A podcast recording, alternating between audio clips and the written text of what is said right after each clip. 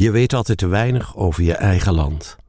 Waarom kozen kunstenaars vanuit de hele wereld rond 1900 Volendam als onderwerp?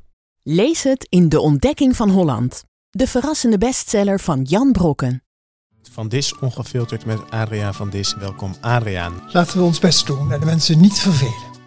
Kijk, één klein gedicht. En wat zegt het niet? Ik krijg er kippenvel van. Ja, mooi. Een oma uit een sprookjesboek. Er zat ook een, stevig gemoed. Zo'n mooi gleufje waar je in kon blazen. Dat geluk kon ik wel delen, maar ik wist de naam niet.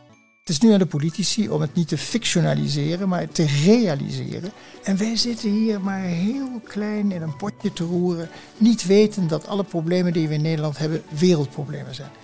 Nee, volgens mij kan je het heel goed Nee, uitleggen. nou, eh, jij kan dat bijvoorbeeld Ja. heel goed uitleggen en ik hang daarbij aan je lippen. Maar ik, ik heb ook een stemmetje in mijn achterhoofd die zegt, ja, hier win je geen verkiezingen mee. Ik vind het heel erg raar dat Ivonie nog nooit een Nipkoff-prijs heeft gekregen. Hupsakee, die man hoort erbij, geeft die man een ere Nipkoff-prijs. Punt uit, klaar. Van Dis Ongefilterd is vanaf 23 september elke twee weken te beluisteren in je favoriete podcast-app.